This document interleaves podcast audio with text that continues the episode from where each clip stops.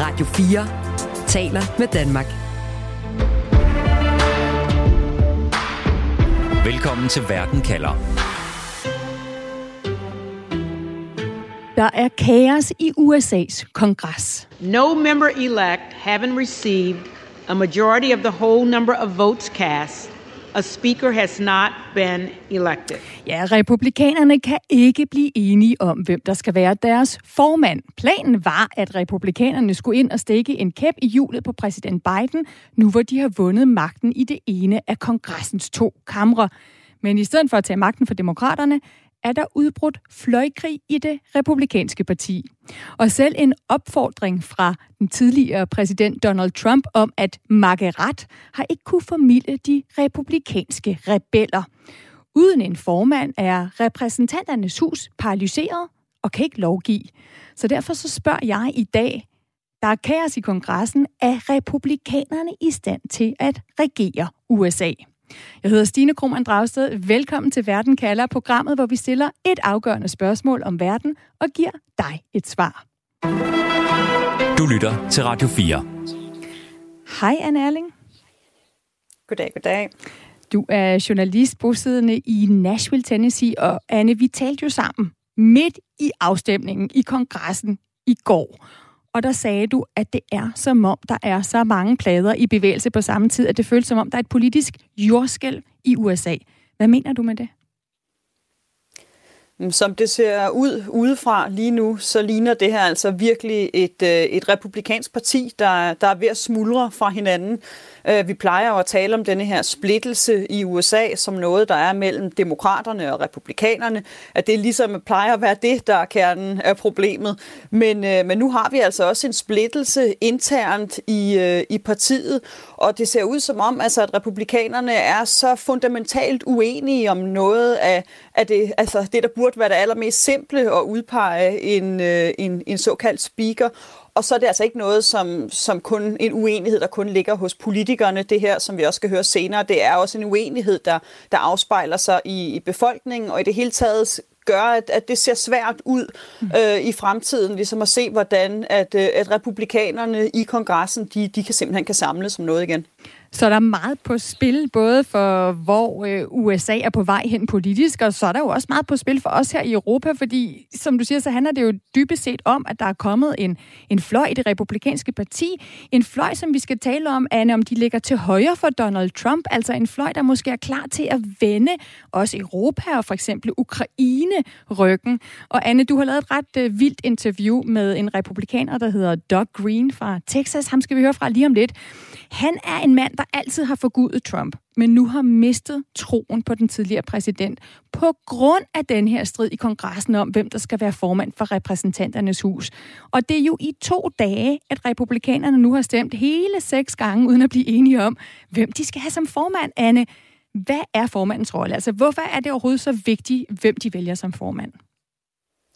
Altså formanden for repræsentanternes hus, han er øh, slet ikke overhovedet bare en, øh, en grænsekagefigur. Først og fremmest så er speakeren, han er tredje i, i rækken til præsidentembedet lige efter vicepræsidenten, og derudover så er speakeren, det var Nancy Pelosi før, øh, er simpelthen katalysator for, for alt det politiske arbejde i, det repræsent, øh, i repræsentanternes hus.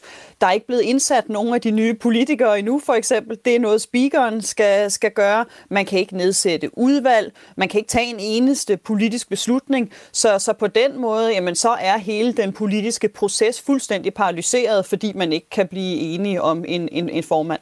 Og det kan så være lidt svært at forstå, hvorfor det er paralyseret. Fordi republikanerne, de vandt jo midtvejsvalget. De sidder på et flertal af stemmerne. Det er godt nok et, et knepent flertal.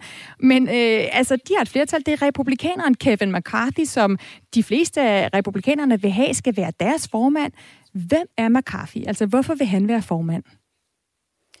McCarthy, han er en, en karrierepolitiker, en, en sådan rimelig traditionel politiker. Han har været, han har været leder af øh, republikanerne i huset længe, men måske endnu længere har han gerne vil være speaker. Øh, altså denne her meget, meget magtfulde øh, post. Han forsøgte at blive det også tilbage i 2015, men øh, der meldte han sig, sig ud af karpløbet, simpelthen fordi han også dengang ikke havde opbakningen. Og det kan jo ja, måske være svært at forstå, fordi han er er egentlig en, en meget traditionel konservativ republikaner, men han har også et ry blandt republikanere og demokrater for den sags skyld, som, som en vendekåbe. Altså sådan en politiker, der holder med dem, som er populære at holde med, og så vender sig mod dem senere.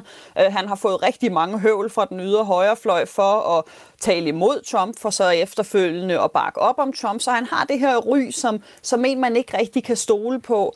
Og så er han fra, fra Kalifornien, og det er altså noget, som rigtig mange republikanere ikke kan lide. De forbinder øh, Kalifornien med Nancy Pelosi, med sådan nogle meget liberale, øh, snobbede personer, og det er også noget, som, som ligesom hænger på ham, det her ry, som er en, en snobbet politiker fra Kalifornien. Og alligevel så går Kevin McCarthy øh, selvsikker og med et smil på læberne ind i kongressen i repræsentanternes hus den første dag han bliver stemt ned af de her oprørsløsne republikanere.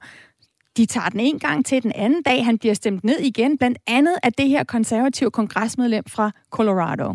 Even having my favorite president call us and tell us we need to knock this off, I think it actually needs to be reversed. The president needs to tell Kevin McCarthy that, sir, you do not have the votes and it's time to withdraw. With that, i yield. Thank ja, altså republikanske Lauren Boebert her, øh, som er valgt for Colorado, hun har fået et opkald fra Trump, siger hun, øh, om at markere ret og støtte McCarthy. Øh, men øh, hun mener, at det skal være omvendt, og selvom hun elsker Donald Trump, så siger hun, Trump skulle tage og ringe til McCarthy og sige, at han skal trække sig. Hvad, Anne, hvad har Lauren Boebert og de andre, der ikke støtter McCarthy, hvad har de imod ham? Jamen, det, det er flere ting. Øh, de siger selv, at øh, det her det er ikke personligt. Øh, McCarthy siger også, at det er ikke personligt, men samtidig beskylder de hinanden for personlige angreb. Så meget af det, det hænger sammen med personen McCarthy, at de ligesom føler, at han hører til the establishment. Altså det, som Trump jo kaldte the swamp, altså sumpen, at han er denne her lobbyist, karrierepolitikeren, dem man vil have, have ned med nakken i, i Washington D.C. Og så mener de også, at, altså, at han står for, for for meget kontrol, altså at den her Speaker of the House position har for meget kontrol. Og så mener de ikke, at han sætter America first. Øh, de føler, at han ja, bakker for meget op om Ukraine for eksempel, at han, at han, at han er for langt øh, hen mod midten, og at han ikke sætter, sætter USA først. Så det er en kombination af, af personen McCarthy, men så også øhm, den måde at være politiker, han står på, og så, og så den form for politik, som, som han fører. Du lytter til Verden kalder på Radio 4. Anne Erling, du har jo interviewet Doug Green, som er en af de republikanske vælgere, som er henrygt over, at de her 20 rebelske republikanere i repræsentanternes hus nu har lammet kongressen i USA. Hello, it's Doc. Hi, Doc. It's Anna. Hi, Anna. How are you?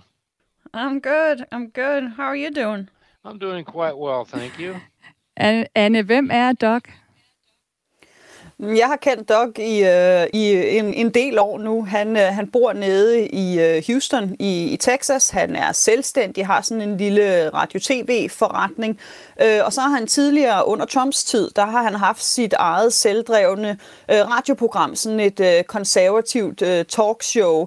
Og han er i det hele taget altså meget øh, politisk, og så elsker han Trump. Altså han er ultimativt den, øh, den største Trump-støtte, jeg, jeg kender. Han er virkelig bakker enormt meget op om Trump, og er i det hele taget meget engageret i, i politik og i lokalpolitik i, mm. i Texas. Og alligevel så er han altså helt enig med de her 20 rebeller, der har skabt krise i det republikanske parti og, og i kongressen. Lad os lige prøve at høre Docs analyse af, hvad der foregår. First, I just wanted to hear you Like, what do you see going on right now in in the House? Well, there are a lot of conservative Republicans, some of which are newly elected, that are sick and tired of the Republican Party just capitulating to the Democrats. And they have decided to stand up against it. They've decided that uh, we're not going to have this anymore. And that's why you're seeing what you're seeing uh, Kevin McCarthy uh, is nothing more than Nancy Pelosi in drag. He's pretty conservative, though, isn't he? He's not conservative at all. He's a Democrat. He's a California Democrat masquerading as a Republican. There's nothing conservative about him whatsoever. Yeah, and altså Kevin McCarthy den her republikaner, der gerne vil være formand, han er intet mindre end Nancy Pelosi i kvindetøj, altså i forklædning. Altså Nancy Pelosi, som jo altså er demokrat, var formand for demokraterne, da de havde flertal, også kommer fra, fra Kalifornien.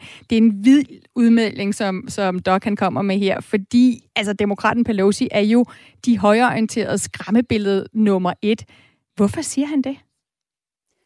Altså først og fremmest, så, så passer det jo ikke, hvis man kigger på Kevin McCarthy's CV. Altså han er en meget konservativ politiker, han stemmer konservativt, han stemte rigtig meget i, i tråd med Trump. Men, men det hænger igen sammen med det her image, som, som Kevin McCarthy har. Et image, som, som sådan nogen som Doc, altså typiske Trump-vælgere, som, som vi før har kendt den, ikke kan fordrage. Altså de her karrierepolitikere, der lever og ånder og bor og kommer fra i den politiske... Øh, den politiske verden, i, i, om det så er i Kalifornien eller i D.C., altså en, en person, der ligesom står for, for the establishment, altså sumpen, som, som Trump kaldte det, og hele den her retorik, som Doc har, det er jo i meget høj grad en retorik, som han har fået fra Trump. Altså det var det, som Trump var med til at vælge på, at sådan nogen i gåseøjne som, som McCarthy, dem kan vi ikke lide, fordi de handler for, for egen interesse og, og politik og ikke i, i USA's interesse. Men nogen, han godt kan lide, som du også spørger Doc om, det er, hvad han vil kalde den her gruppe af de 20 republikanske rebeller. Lad os lige høre. What would you call this group? Gosh, nobody's asked me to name it. I would call it the rebellious voice of the Republican Party. And is there a need for, for such a voice right now? There absolutely is, because right now, I don't see any way the United States can survive as a nation past maybe another, you know, six to 12 months. I think we're that close to danger. And if the conservatives stood up, we might have a shot. Der er altså brug for de her 20 rebeller, for ellers så kan USA simpelthen ikke overleve, siger Doc her. Det er jo sådan en ret vild øh, udmelding. Altså, hvad mener han med det? Hvad er det, han er bange for, der skal ske med USA?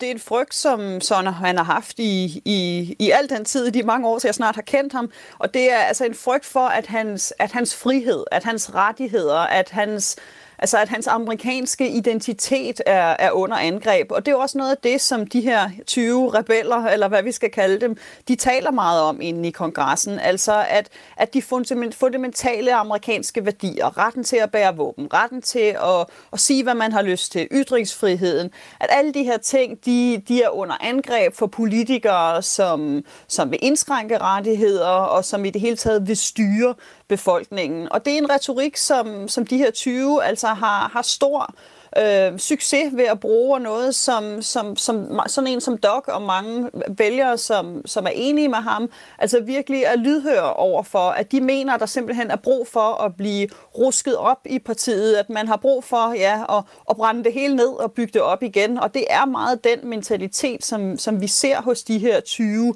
oprørere, rebeller, øh, at de der er ting, de vil ændre, men de også har sådan en grundlæggende idé om, at det selvom man ikke kan blive enige om noget, så er det måske bedre bare at ja, brænde det ned til jorden, for så at man kan bygge det op på ny. Det er jo super interessant, den her pointe. Vi, vi taler om et, et formatstrid, vi taler om hele det spil, der foregår i kongressen, men det handler simpelthen også om, øh, at man er uenig om, hvilken vej USA skal gå, at man mener, at det her på en eller anden måde er liv og død for øh, USA, hvis ikke at de her rebeller fortsætter deres øh, oprør. En af de andre øh, fascinerende ting ved det her spektakel, Anne, det er, at den tidligere præsident Trump han har jo en rolle i det her. Altså, han har, som vi også hørte i det tidligere klip, jo manet til besindighed. Han har ringet til nogle af de her 20 rebeller, opfordret dem til at droppe deres modstand, at stemme på Kevin McCarthy. Er Trump lige pludselig blevet sådan en mainstream-politiker i det republikanske parti? Altså, er han blevet en del af de establishment, som de gør oprør imod? Det er en meget mærkelig øh, situation, vi står i lige nu, og det er også derfor, jeg bad, øh, bad Doc om at ligesom sætte en titel på denne her gruppe. Fordi alt det, meget den retorik, vi, vi hører fra, fra de 20, og den retorik, vi hører fra Doc, det er jo nærmest taget ud af, af Trumps mund. Altså de her politikere, Matt Gaetz fra, fra Florida, Lauren Boebert fra, fra Kalifornien, som vi lige hørte klippet med før, de er jo normalt Trumps støtter, altså var meget lojale over for Trump, og det er Trump, der har været med til at bære dem frem på den politiske scene.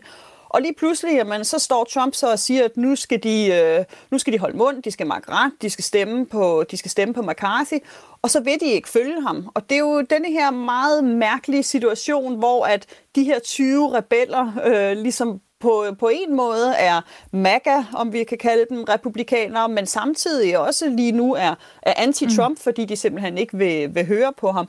Og det gør, at det er svært at sige egentlig, hvor Trump står, øh, fordi man ikke, ja, det ikke rigtig hænger sammen, at han nu bakker op om McCarthy, samtidig med, det er hans venner, eller gamle venner i hvert fald, som, som fører denne her, det her oprør. Altså MAGA, altså Make America Great Again-fløjen. Øh, lad os lige høre, hvad Doc siger, fordi du har talt med ham om, at han er jo en kæmpe fan af, af Donald Trump.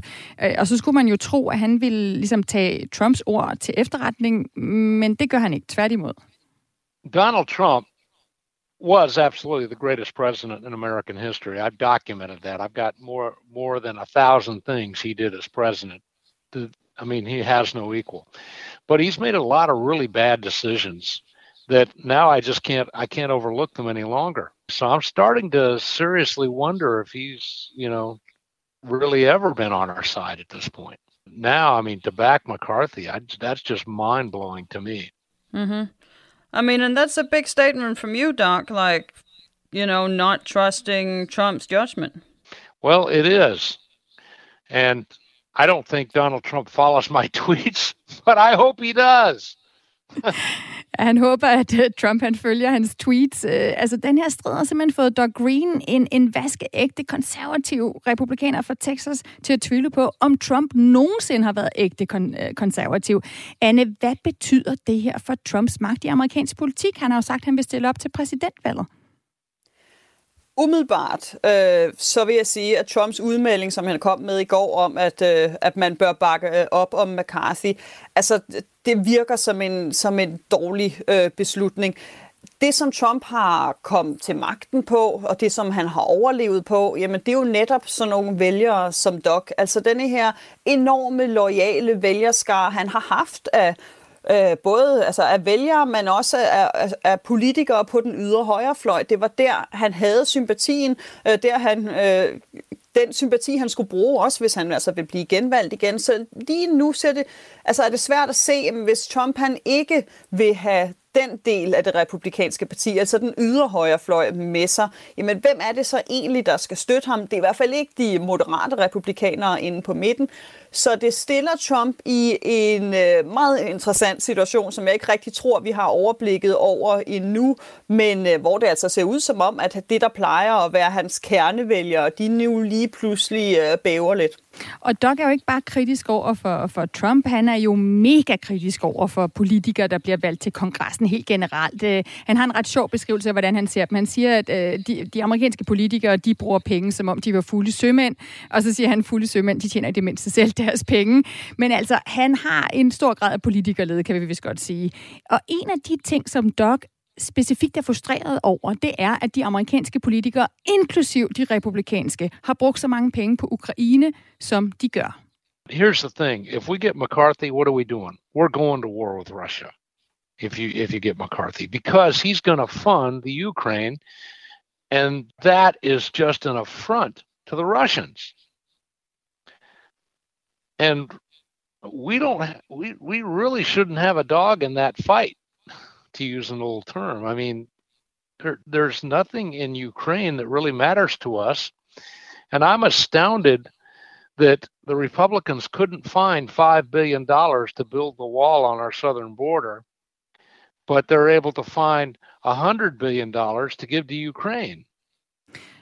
There is nothing in Ukraine that really matters to us, siger Doc her. Og så siger han, hvordan kan man finde milliarder dollars til at hjælpe Ukraine, hvis man ikke engang kan finde den til at bygge en mur langs grænsen til Mexico? Altså, det er en holdning, Anne Alling, som de 20 rebeller her, de republikanske politikere, der lige nu kaster grus i maskineriet i, i repræsentanternes hus, er det en holdning, de deler, øhm, og som Doc hæpper på?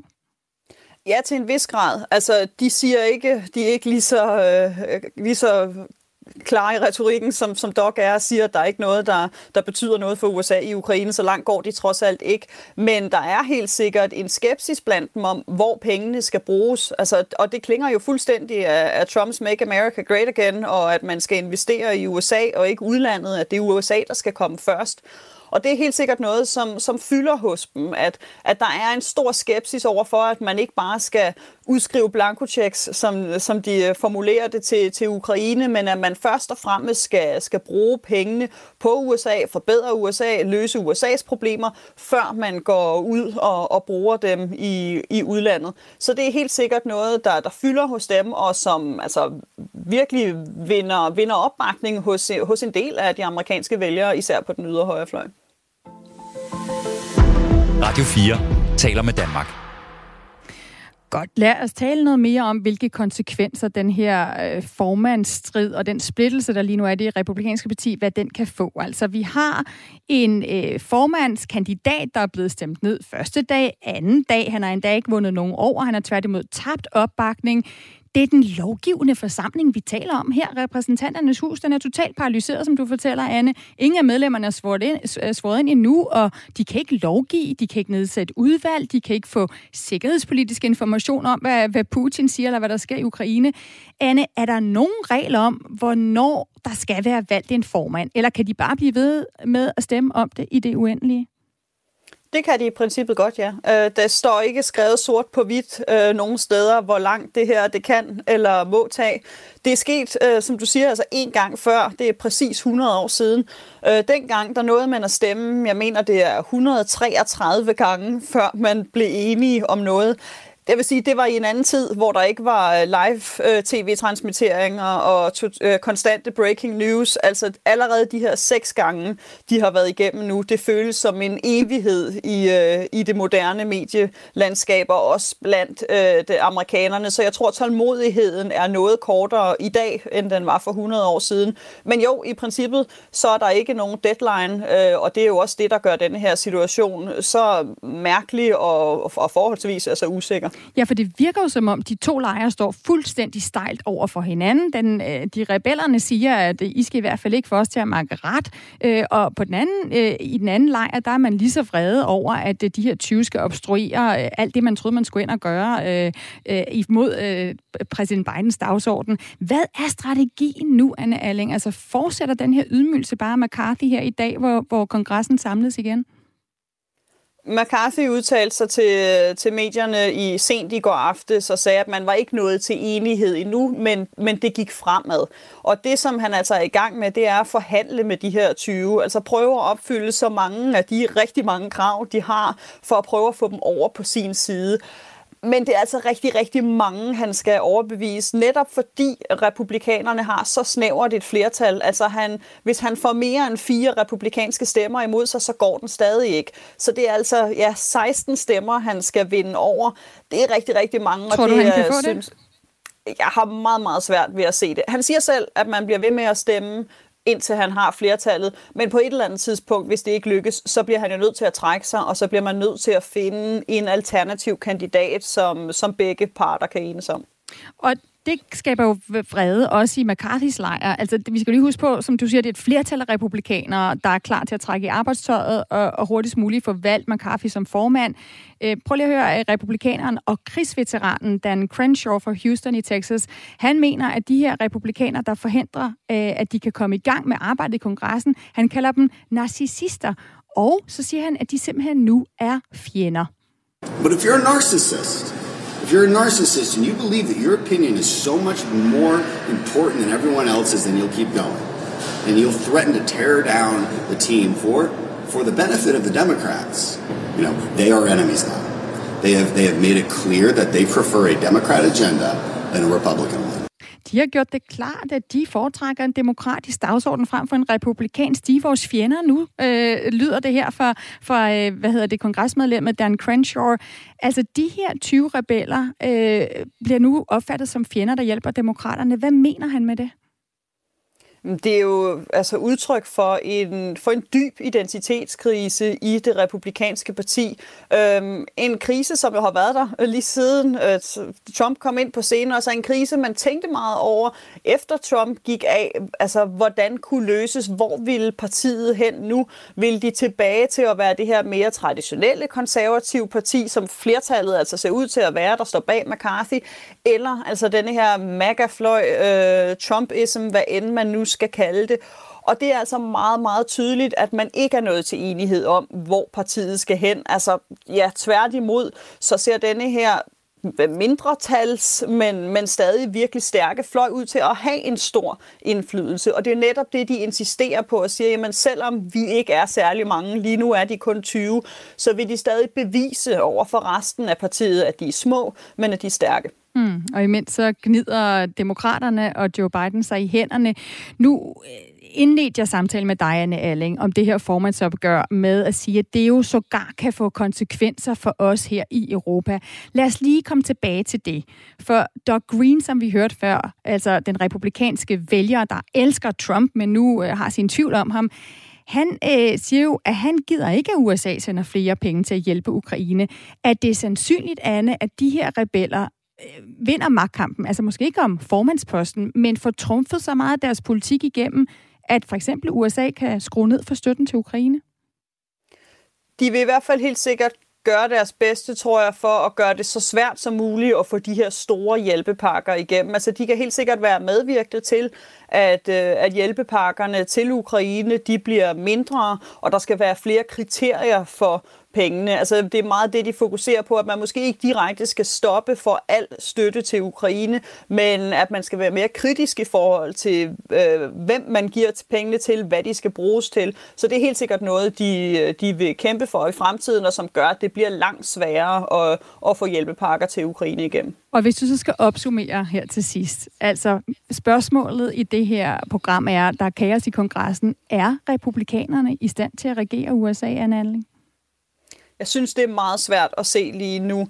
Øh, I går, mens alt det her det foregik, der øh, mødtes øh, blandt andet Joe Biden, altså præsidenten, og, og hvad hedder det, republikanernes leder for senatet, Mitch McConnell, de mødtes i Ohio og stod og holdt et tværpolitisk møde og viste om, hvor enige de var og gav hinanden hånden og prøvede ligesom at, at modbevise det og sige, nej, nej, vi kan, vi kan godt enes. Men i huset, der ser det altså virkelig, virkelig svært ud. Og det, som republikanerne øh, jo bliver nødt til at blive enige om, det er, at jo, de kan godt være uenige, præcis ligesom demokraterne også er internt uenige, mm. men at de trods alt har en fælles mission om at få deres politik øh, igennem, og altså være en mod, samlet modstand mod demokraterne. Og altså, det, det kan de ikke lige nu med denne her uenighed, og det hele det kommer til at afhænge af, hvad McCarthy kan få forhandlet igennem, hvad de kan blive enige om, og når der så på et tidspunkt kommer en løsning, jamen, så bliver de nødt til at finde en måde at, at lægge stridsøksen på, hvis de vil have noget som helst håb om at, at holde sammen øh, og få gennemført republikansk politik øh, i de næste to år, hvor øh, republikanerne har flertallet i repræsentanternes hus. Sådan lød analysen fra Anne Alling, journalist med fra Nashville, Tennessee. Tusind tak for at være med. Og uanset hvad der sker, så kan du få svar på et afgørende spørgsmål her i Verden kalder med mig, Stine Krohmann Dragsted. Vi sender fremover live mandag og torsdag mellem 17 og 18. Først en halv time om en aktuel sag i Verden kalder, og dernæst får du 30 minutters Verden kalder perspektiv, hvor vi sætter et afgørende spørgsmål om verden ind i en større sammenhæng og giver dig svar. Og du kan naturligvis også finde os på podcast, blandt andet på Radio 4's hjemmeside og på vores egen app.